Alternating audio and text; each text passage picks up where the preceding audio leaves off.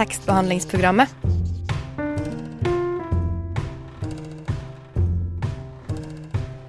Tekstbehandling på radio.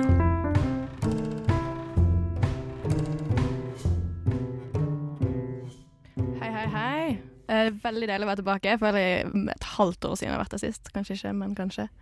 Uh, og vi har en klassisk uh, røre i dag. Uh, en litt sliten røre, vi får se. Jeg tror det blir veldig spennende. vi er i godt humør alle sammen. Så hvordan går det? Vi har I studio forresten så er det meg, Alva Namna Kjensli. Eh, meg, Julia Beveso, hallo. Og meg, Maria Skjerven. Som også er vår tekniker i Ja, dag. I dag er jeg tekniker. Ja, Dobbeltrolle. Stjernetekniker. Ja. Hva er, kan noen forklare hva er røret egentlig for våre nye lyttere? Er det Hvordan vil du definere røret, Maria? Ja, rørete. Ja. ja. Rett og slett. Eh, at hvert, hvert eh, medlem kommer med noe de vil snakke om. Mm. Alle tar med seg en ting. Um, det er ingredienser. Uh, så putter vi de sammen, og så blir det en røre. så serverer vi det til dere. Ja, ja, ja. Og det blir, jeg tror det blir veldig, veldig bra. Det var mye mer vakkert enn det jeg sa. Estetiker. Um, men det jeg tenkte vi kan begynne med først, er jo kanskje Hva hadde jeg gjort siden sist? Det er jo en stund, hadde jeg ikke lest noe kult? Hadde jeg gjort noe kult siden sist? Er vi runden, rett og slett? Vår klassiske runde. Oi, siden sist?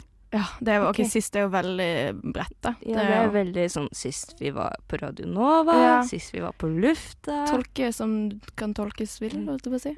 Bursdagen min ble fullført. Hvordan Det- feiret du? Eh, middag med familien Oh, på curry and ketchup her på Majorstua. Så sykt koselig. Ja. Det var veldig gøy og koselig. Og så ble jeg med hjem eh, til mamma og pappa, og der spiste vi kake. Og så ble jeg natten over, da. Og det var veldig deilig å sove i en seng, og så ikke høre masse bråk utenfor vinduet. Det var veldig deilig. Det Mm. skjønner jeg så godt. Ikke noe trafikk Ja. eller noen ting. Nei, Julia, har du lest noe eller gjort noe gøy, eller? Oi, siden sist um, Siden sist er jo kanskje mai, Ja. juni. Så jeg har lest noen ting. Jeg har lest to Ishiguro-bøker i sommer. Oi. Em, ja, jeg tror ingen av de er hans beste, så jeg skal lese flere. Men jeg likte de. Jeg leste 'Klæra og solen', Ja. og så leste jeg uh, 'The Buried Giant', som er veldig sånn eventyrsk og nesten litt sånn fantasyaktig. Veldig en fortelling, og veldig uh, ja, uh, vakker, egentlig. Um, og bortsett fra det så har jeg jobbet masse. Um, hengt mye rundt. Nå har jeg startet på skolen igjen. Og det er veldig bra. Mm. Og det er ekstra bra fordi jeg er tilbake her òg. Så mange ting har falt på plass og blitt sånn som de var før sommeren. Ja, rutinen er på plass. Men det er så bra. Det er så deilig. Jeg liker det best, egentlig. Du da, Alva? Nei, det er jo et godt spørsmål. Ehm, ja, ja, jeg har lest litt. Det er jo sommeren. Man sier jo liksom at sommeren skal være da man leser mest. Ehm, og kanskje ikke det man eh, Ja, litt tjukkere bøker og sånt. Men jeg kan jo ikke si at jeg har gjort det. Jeg husker jo ikke hva jeg har lest i det hele tatt. jeg. Jo, jeg har lest eh, Til fire av Virginia Woolf. Mm, den er så fin. Ja, og så leste jeg den nynorske omsettelsen, og den var så fin. Uh, så den anbefaler jeg alle å lese. Det er den der Skall sin klassikerserie. Og de er så fine sånn estetisk uh, lagd også. Mm. Når du sa nynorsk, så kom jeg på noe jeg har lest. Terje Vesaas. Jeg har lest Terje Vesaas. Hvilken? Eh, 'Fuglene'. Ja! Åh, Ja, jeg leste 'Fuglene'. åh, den har jeg så lyst til å lese også. Jeg slet litt med å forstå. Nynorske? Ja, men det er jo ikke bare ja, OK, nå skal vi ikke gå altfor dypt Ja. inn i det, men det er ikke bare nynorsk, det er jo dialekt. Ja, Mm, det er sant. sant. Mm. Så der sleit jeg litt, kanskje. Ja, Og det, det er veldig lov. Nei, vi skal jo Vi har jo hvert våre tema vi skal snakke mer om senere. seinere. Men eh, først kan vi kanskje høre en sang. Én, to, tre. P-R-O-G-A-M Tekstbehandlingsprogrammet på Radio Nova. Ja, nå er det jo eh, september, en av mine favorittmåneder faktisk. Og det betyr jo også bokhøsten, rett og slett. Eh, og det er jo på en måte mm, denne høsten som, eller bokhøsten generelt, er jo på en måte bokbransjen sin store happening.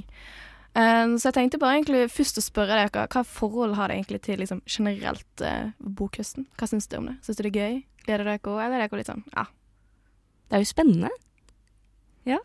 Hva er så spennende? Eller sånn Ja, liksom hva som kommer og alt det der, føler jeg litt sånn um, Dere vet hvordan alle mulige filmer kommer i en sånn spesifikk periode i forhold til Oscar-utdelingen? Føler jeg litt sånn da, bare med bøker. Så er det Mm. kanskje ikke noe Oscar-utdeling, men ja.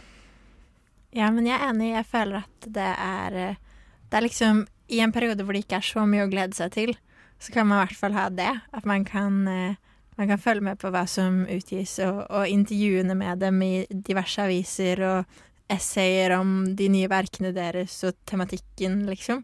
Em, og jeg syns det er stas. Det er som at liksom gamle venner kommer tilbake fra, eh, fra reisen, som er at de skriver, skriver boken. Mm. Jeg er også veldig Ja, jeg er enig.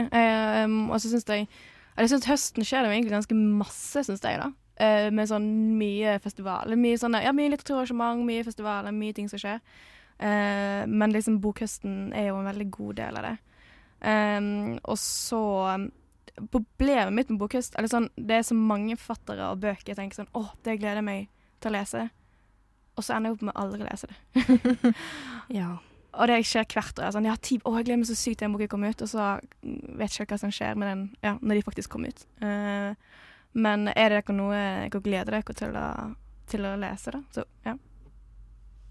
Uh, Jeg gleder meg veldig til eh, Helga Flatland sin nye bok. Den skal jo komme nå. Og jeg husker ikke når hun kom med en bok sist, jeg. Um, jeg vet ikke. Har dere lest noe særlig Helga Flatland? Jeg begynte en gang på den 'Bli hvis du kan, reis hvis du må'. Ja. Mm, Det er moren min sin favorittbok, den trilogien der. Eller ja, bøker. Mm. Den er, jeg har også faktisk lest den. Eh, Vi leste den i, på videregående. Ja. Men eh, jeg syns den er veldig fin. Men den er så trist. Den er veldig ja. I hvert fall første bok, eller alle bøkene. Men den er, hun skriver veldig godt psykologisk. Eller sånn gode psykologiske mm, ja, måter å beskrive tanker av andre folk og ja. Så det er jo Ja. Ja, for hun skriver jo mye av det sånn spesielt Ja, det triste, da. Som kan oppstå i familier og sånt noe. Og den nye boka, den heter Etterklang. Og jeg har null idé hva den handler om. Jeg har ikke peiling. Så det gleder jeg meg egentlig til. Det er en fin tittel. Null i det. Etterklang. Ja, Det kan romme så, så mangt. Mhm. Absolutt. Nei, har du noe, Julia? Ja, altså jeg er veldig gira på en bok som allerede har kommet. 'Den egne barn' av Trude Marstein. Uh, jeg hadde henne som skrivelærer da jeg gikk på folkehøyskole i Lillehammer. På en skrivekunstlinje. Oi, så gøy. Mm. Hun var også, hvis jeg husker riktig, så hun var, var der i hvert fall én uke, om ikke to. Og, og hadde liksom da roman eller prosa som sitt tema som hun eh, underviste i. Og hun var bare en fantastisk skrivelærer på den måten at hun tok oss veldig seriøst. Og hun var ganske streng. Eh, og eh, hadde veldig gode øvelser, hadde veldig mange gode tips. Um, så etter det så leste jeg den Så mye hadde jeg som kom i 2018 og fikk helt fantastiske kritikker. Um, og den er Da var det lenge siden jeg hadde lest liksom én bok, bare sånn dere vet, når det er bare sånn page turner, og man blir så oppslukt. Men en sånn type opplevelse hadde jeg med den. Jeg tror jeg leste på et par dager. Den var bare Hun skriver så godt om realistiske, eh, relasjonelle, norske hverdagslige ting som man tenker at skal være så trivielt, liksom. Eh, og så er det så mye sårhet og følelse i det. Og det er det som skrives veldig, veldig mye om den egne barn også, at sånn samme type tematikk. Um, så jeg tror det blir utrolig bra. Eh, det blir et bra gjensyn. Hva er det du gleder deg til, Alva? Så mye. Eh, Vanskelig å starte. Ja, ja og så jobber jeg jo i bokhandel, så jeg føler liksom Jeg får med meg hver gang det kommer en ny bok, og så elsker jeg det å komme på jobb, i hvert fall i bokhøsten. Og så komme på jobb, så er det alltid noen nye bøker som kommer. Og det er så gøy. Um, hvis du får tid til å sjekke ut, da. Det er jo alltid Ja. Men jeg gleder meg veldig til ehm, Det er en novellesamling av en av Ja, en, kanskje ja, en forfatter som jeg er blitt veldig glad i i det siste, som bare har gitt ut fire bøker eller noe sånt. Men ehm, hun heter Roskva Koritsinki. Mm, og den boken heter da 'Ingen hellig'. Og hun også er litt sånn som kanskje Trude Marsten, så i hvert fall sånn som du beskriver henne nå, Julia. At hun skriver veldig sånn helt hverdagslige liv, men det er et eller annet, et eller annet måten han skriver det på, eller grep hun gjør, som at du føler Oi, her var det noe viktig, eller her var det noe eh, Som du ikke har klart å sette opp på, men du føler liksom at du leser en virkelig god litteratur. da. Så hun anbefaler jeg alle. Eh, hun er kanskje ikke så kjent, eh, men har kommet ut med i hvert fall to novellesamlinger før, som har fått veldig god kritikk. Så det, ja. Det er interessant når det er noveller, fordi jeg føler at jeg sjelden leser det. Eller at det, det er ikke så mye fokus på novelle som, som form. Er du enig? Ja, men jeg kan kanskje være enig. Ja, eh, ja de kommer litt sånn eh, Smyger seg kanskje litt sånn unna hele radaren, eh, eh, egentlig. Um, og jeg er litt eh, Altså, det, det er ikke ofte man setter seg ned og leser en novellesamling. Men hvis man leser en god novellesamling, så er det jo egentlig bare som å lese liksom, dikt bare i mye lengre form. Du får veldig mye på liksom kort tid, og ja, det kan sette i gang veldig mange forskjellige tanker inn i samme bok, da. Eh, og det er kanskje ikke en roman som Ja. Det er kanskje litt sånn som serieformat eh, i forhold til film. Jeg vet ikke. Men vi kan, ja. Mm. Ja, jeg føler litt at mellom liksom, diktet og romanen så har novellen forsvunnet litt. Mm.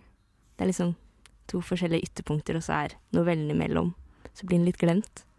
Pluss at folk skriver liksom kortprosa, eh, ja, eller prosadikt og sånn også, som blir en slags sånn også en fusion. Um, så jeg føler at det er mye kamp om plassen når det kommer til det kortformatet. Mm, det er sikkert, ja, det er nok veldig sant. Men det er det jo også i siste. Har jo på en måte jeg føler novellesamling blitt løftet litt fram, i hvert fall av debutanter. Sant? Jeg føler debutanter begynner ofte med novellesamlinger. Det er sant. Mm. Eh, og det er kanskje en litt lettere vei å ja, komme Ja, men nei, les litt flere novellesamlinger. Det, det krever ikke så mye. det er det. Du kan på en måte lese én novelle, så kan du la den ligge i mange år, og så kan du lese en novelle til.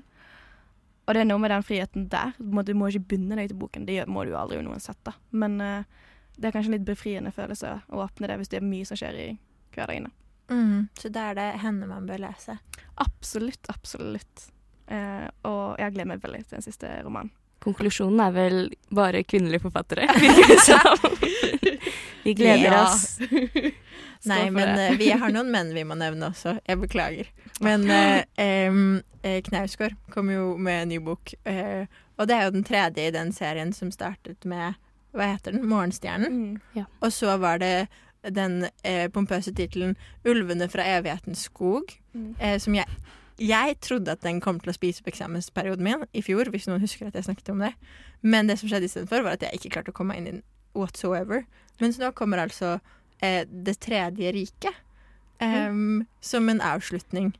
Eh, eller er det en avslutning? Jeg vet ikke. Jeg har ikke lest tror- om den. Jeg tror ja, det skal være en trilogi, så det Mm. skal liksom være en avslutning på det. Men jeg har også samme opplevelse som deg, at jeg har lest den første, jeg likte det veldig godt.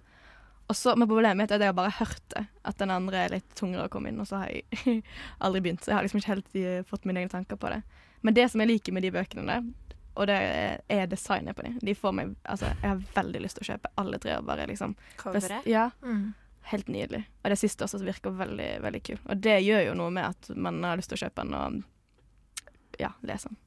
Hvis det er til noen trøst, så har ikke jeg klart å lese ferdig noe som helst Knausgård. så hvis det hjelper litt. Ja, takk. Det er seigt. det er seigt. Nei, men eh, vi, eh, vi må eh, høre en sang, eh, og så Slutt å snakke og høre en sang. Ja, slutt å snakke, rett og slett. Endelig. På tide å skru på tekstbehandlingsprogrammet. Yndlingssykkelen det siste seks-sju månedene er en enhjulssykkel. Vi har Marie Eibert på besøk. Jeg og Eline. Marie og Bær. Jeg tenker alltid at en T slutter med ø, h, h, h, h, utropstegn, utropstegn. Det er bare tekstbehandlingsprogrammet. Nei, det var ikke så mye å si. Du hørte GKR med sangen 'Elskan'. Og nå her i tekstbehandlingsprogrammet så har vi Røre. Hvor eh, hver og en av oss eh, i sendingen her snakker om noe vi har lyst til å snakke om. Og i det siste nå så har jeg lest eh, 'Tørk aldri tårer uten hansker' av eh, Jonas Gardell. Har noen av dere to andre, Julia Alva, har dere hørt om den boka før? Ja, jeg har lest den. Du har lest den, ja? Mm, jeg har lest eller den første, da. Det er jo en triologi, er det ikke? Ja, det er det. Mm. Det er jo også en veldig, veldig kjent serie, som jeg tror her i Norge så ligger den vel på NRK. Har noen av dere sett den? Nei, og jeg må innrømme at jeg bare har hørt om serien. Ja, Eller jeg visste det det var bok, men liksom det er serien jeg har liksom hørt mest om, da. Jeg vet Ja. det er vondt å si her i teksten. Ja, men det er jo det er egentlig veldig bra, for vi har liksom forskjellige nivåer da, av uh, kjennskap. Men uh, det jeg gjerne ville snakke om, er det at jeg, når jeg skulle kjøpe meg denne boken, så gikk jeg inn på Nordli universitetsgata. Hey, Og der, shout-out! Nordli Ugata.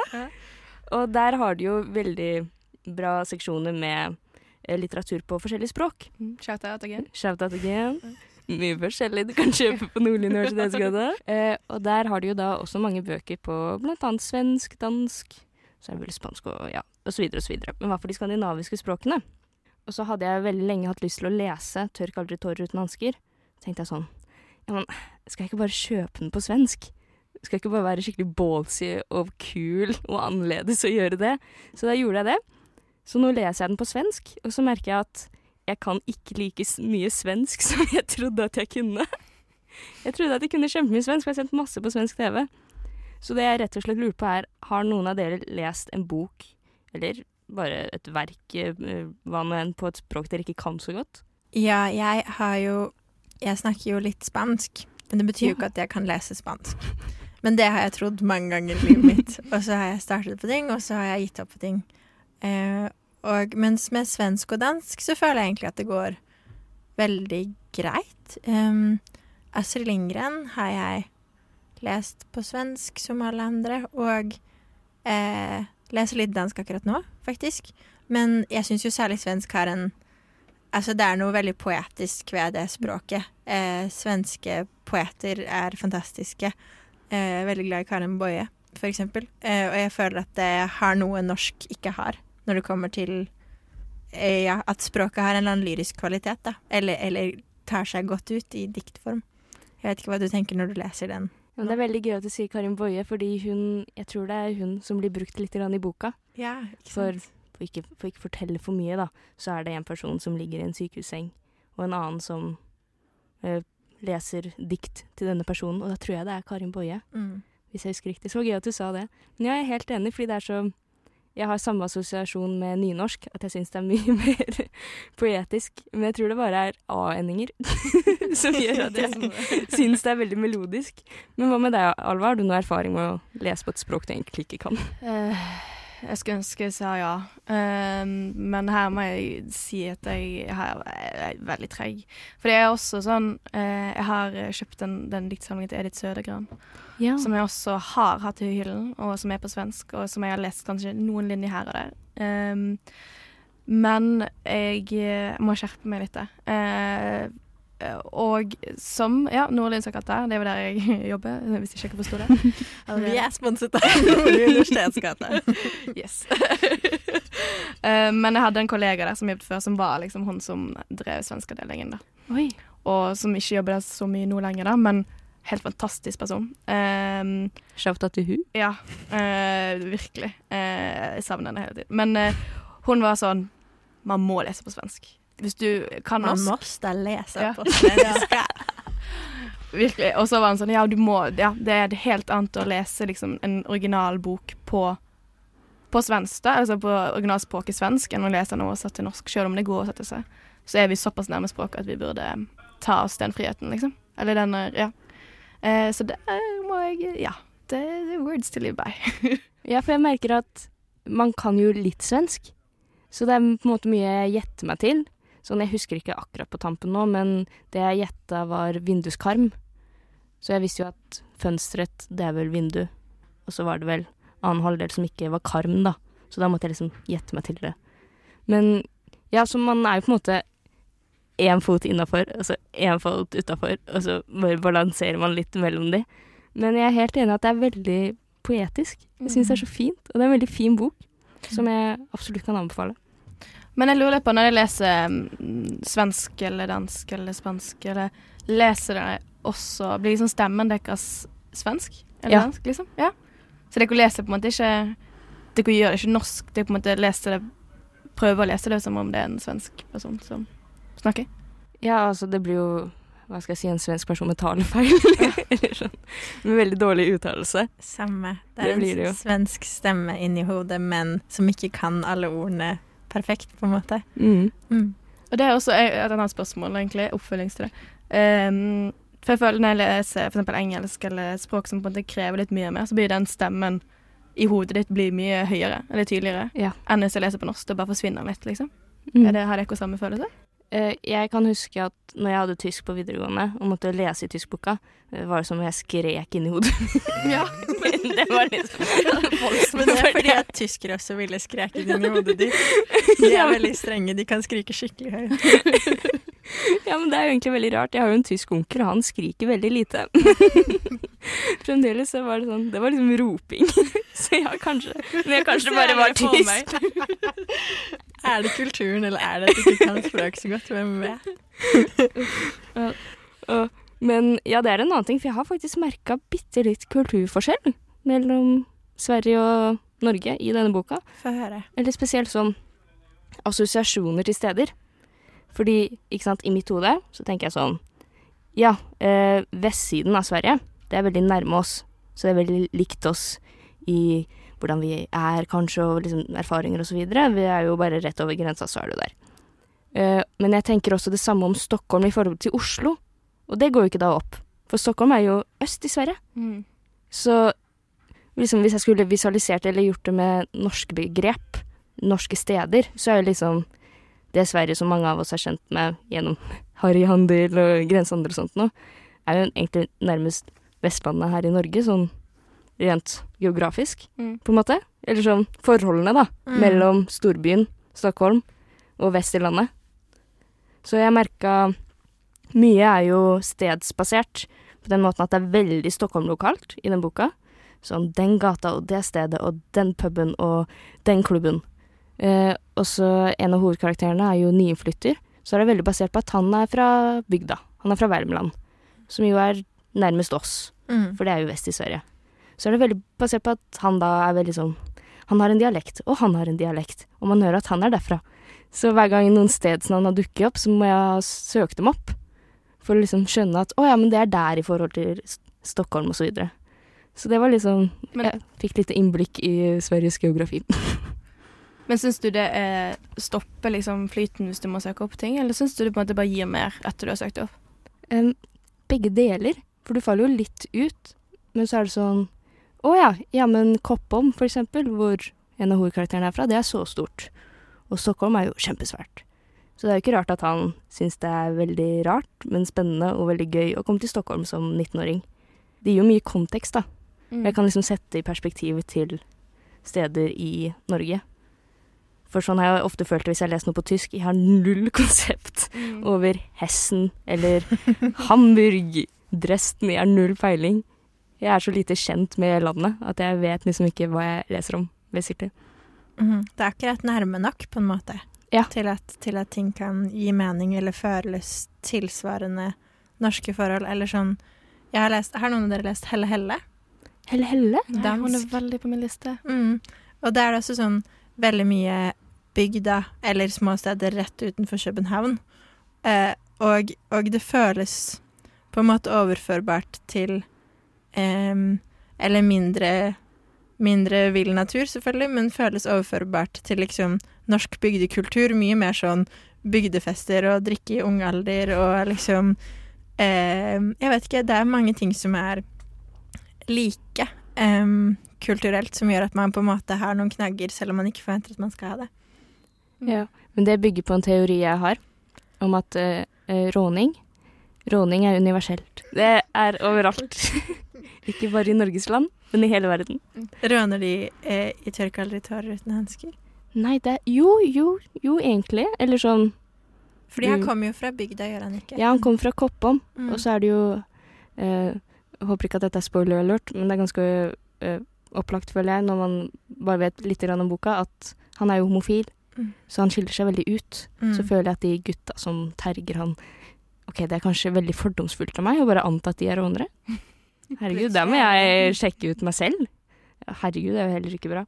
Men jeg tenker at det har vært nok snakk om Sverige og råning og mine fordommer til råning. Det kan aldri bli nok.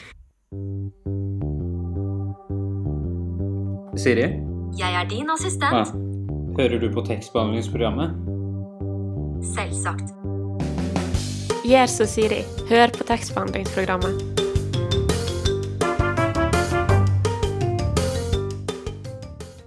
Nå så skal vi snakke om um, en bok um, og en tematikk som er i denne boka, som jeg nettopp har lest.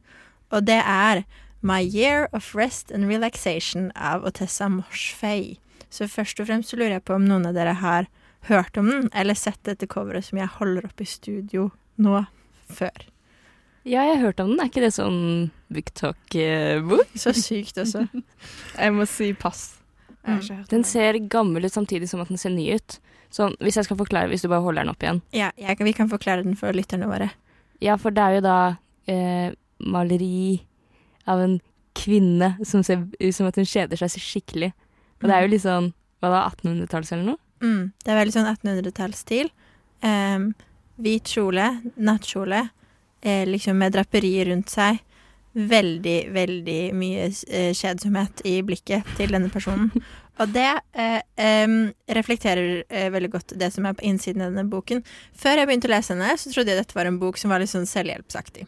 Eh, for jeg har sett den på Instagram og sånn. Og så var det min eh, gode, eh, flotte bestevenn Jenny, shout-out, som var sånn Nei, nei, nei. Den her blir man helt utrolig rar av å lese. Det skjer ingenting, samtidig som man blir utrolig ukomfortabel, og det er veldig Det er en veldig ekkel bok, var det hun liksom sa. Og så begynner jeg å lese, og så eh, er det en veldig lettlest bok om en jente som bor på Upper East Side, har opplevd masse traumer, og som helst ikke vil leve, så hun bestemmer seg for å gjøre et år med eh, liksom, Hun bestemmer seg for å gå i dvale et år og sove så mye som mulig. Og oppsøker en eh, psykiater som er skikkelig skikkelig dodgy, og som gir henne masse ulik eh, medisin, sovemedisin. Så hun er egentlig bare hele tiden på mer og mer drugs og gjør mindre og mindre. Hun blir sparket fra jobben sin, eh, hun har ikke kontakt med noen, eh, bortsett fra hennes ene venn fra college. Eh, og hun ser ekstremt mange filmer. Eh, og gjør veldig lite og går rundt og eh, liksom går ut og kjøper kaffe på den eh, lokale sjappa, og så går hun opp igjen og spiser noen kjeks og ser på film. Det er det som skjer i boken. Hvor lang er den? Er den lang? Altså, den er, eh, ja, den er nesten 300 sider. Men, men hva, det, hva gir han deg Eller gir han deg noe? Var den, var den så bra som Jenny fortalte? Altså, altså eh, den er på en måte bra, men den er også liksom frustrerende, hvis det gir mening, fordi det er en uh, hovedkarakter som er sånn klassisk sånn Dere vet, hun, hun, hun lever liksom et pent liv, et tilfredsstillende liv, uh, på en måte, og så, og så bryter hun alt ned og klarer ikke å gjøre noe. Um, er veldig usympatisk da, og, og selvopptatt på en måte. Hun har dette prosjektet. Men den er jo veldig Det er interessant fordi hun skriver det jeg føler Otessa Moshfei, da, som forfatteren heter, får til, er å skrive veldig godt og liksom troverdig om, om, om et menneske som ikke vil leve, men lever likevel, liksom. Hvordan man lever når man ikke vil leve. Gå på autopilot-måte. Nettopp. Eller sånn holde seg flytende for å få til noe bedre, eller for å holde ut. Jeg vet ikke, har dere lest noe sånn litteratur selv? Em, igjen for å komme på Helga Flatland. uh, jeg har jo forrige boka hennes, tror jeg, som kom for hva var det, i fjor eller et år, to år siden. To år, kanskje. Litt usikker. Det må Ja. um, den heter vel Et liv forbi, heter den. Uh, der kom jeg på det. Følte jeg meg sterk. Uh, og det handler jo om en mor som blir uh, kreftsyk. Og hun er på mange måter en slags hovedkarakter, da. Så det er jo litt mer det å vente på døden Mm. enn det å kanskje ønske å dø. For jeg klarer ikke helt å huske om hun ville det. Mm. Det var jo mer at hun visste at å ja, dette kommer til å skje. Så det var liksom den venteperioden, da. Syns du det var lite handling i den, eller var det mye som skjedde? Um, sånn, det var jo det vi snakka om, at Helga Flatland skriver jo eh, veldig, veldig bra. Eller sånn på det emosjonelle, da. Psykologiske. Så jeg følte at mye skjedde. Fordi det var på det nivået. Det var på relasjonsnivå. Men sånn handlingsmessig så var det kanskje ikke så mye når jeg egentlig tenker over det. Fordi det er litt samme ting, tror jeg, at sånn Hun, jeg-personen, tenker jo mye på eh, ting som har skjedd, og mennesker som eh, hun har eh, møtt og kjent og sånn, men Og vært glad i. Men men det bare er den derre Igjen og igjen så beskrives de samme tingene som hun gjør, som er de få tingene som livet hennes inneholder, og det er nesten ikke noe endring eller noe eh, spenning, på en måte. Det er bare den flate handlingen. Jeg føler at det er litt typisk for, for, for unge kvinnelige forfattere, er det lov å si? For noen, i hvert fall. Ja, jeg er litt enig i det. Um, jeg har jo en bok jeg tenker på som er en av mine favorittboker, som er kjempe, en fantastisk bok, på en måte, som heter 'Jo fortere jeg går, jo mindre er jeg', av Kjersti Skomsvold. Eh, og det handler jo om hovedkarakteren er en gammel dame som nettopp eh, mannen har dødd. Um, og så handler det egentlig bare om livet hennes etter mannen død. Og det skjer egentlig veldig, skjer veldig lite i livet hennes, og det er på en måte det som er hele poenget med boken også. Um, men jeg er jo veldig glad i det, for jeg føler hvis det blir veldig mye som skjer i en bok, så forsvinner liksom den tankestrømningen som jeg føler norske kanskje kvinnelige forfattere er veldig gode på, da. Eh, å skrive akkurat det som, Flatland, altså det psykologiske, det Ja, det liker jeg. Eh, så jeg er jo veldig sånn go to på de bøkene. Det fins jo en grense. Det må jo Ja, det må jo skje noe, på en måte. Men det må jo ja, det trenger ikke skje noe fysisk, det kan bare skje noe psykisk. Tankestrøm er vel et kodeord, det- kodeord, holdt jeg på å si. Mm. Stream of consciousness. Er dere nevnte jo Eller du nevnte jo til fire. Og det er jo veldig Det er veldig stream of conscious. Jeg hadde ikke skjønt det. Jeg har selvfølgelig Jeg har ikke lest uh, til, til fire før nå. Um, og så har jeg ikke skjønt helt hva, hva det mentes med stream of conscious. Og så leste jeg en sånn Å ja! mm. oh, ja, det var sånn. Ja. Jeg har jo hørt det om det, lest om det, liksom, men aldri faktisk lest hennes stream of conscious. Så jeg syns um, Jeg likte den, men det er jo også krevende, fordi du på en måte Iallfall på den til fire så hopper hun liksom fra karakter til karakter sin stream of consciousness hele tiden. Og man må være litt på for å liksom komme i en flyt. Mm. Eller må være litt til stede. Det er liksom ikke en bok som leses av seg sjøl, på en måte. Og det er kanskje òg, hvis det ikke er noe handling, um, som de bøkene vi snakket om nå, at de leses kanskje ikke av seg sjøl. De må jo Ja. Jeg vet ikke om det gir mening. Jeg føler at det er litt enten-eller. Jeg føler at veldig mange bøker med lite handling og mye liksom indre liv, da, som det ofte er istedenfor, eller stream of consciousness, en stemme eller en tankestrøm, eh, så er det jo ikke nødvendigvis så utfordrende heller, fordi det er jo ikke så eh, mye å tolke, eller så mye spenning, eller så mye ytre forstyrrelse. Det er liksom Det er det de sier, det er det de reflekterer rundt, og det er det at de spiser en yoghurt og drikker en kaffe og går en tur og går hjem igjen, og ser en film og tenker på en eks, liksom. Uh, men jeg er litt motsatt av det. For jeg tenker sånn Når megabøker blir på den måten, uh, så føler jeg at språket har mye å si. At da står på en måte språket i sentrum. Og det som gjør det, om jeg kommer til å like å lese en bok som på en måte ikke har så mye handling, er OK, er språket Jeg er veldig glad i poetisk språk. Er, liksom, er språket bra? Og hvis det er bra, så krever det ofte mye mer av meg å lese en bok som det skjer lite, men med bra språk, enn en bok der det skjer mye, men språket kanskje ikke så mye i sentrum, hvis det gir mening. For da kan man Det er som å se på en Det er litt som man ser på Hvis du ser på en actionfilm, der skjer det ja, For eksempel en Marvel-film, da. Det skjer det mye hele tiden. Eller så ser du på en veldig, veldig treig film der det på en måte er Ja, litt sånn stream of consciousness, så den krever mer av meg. Av konsentrasjon min er kanskje det jeg tenker mer på. Ja, det er et godt poeng. Hvis du går hjem med noen og de ikke har bøker, ikke knull dem. Hilsen tekstbehandlingsprogrammer.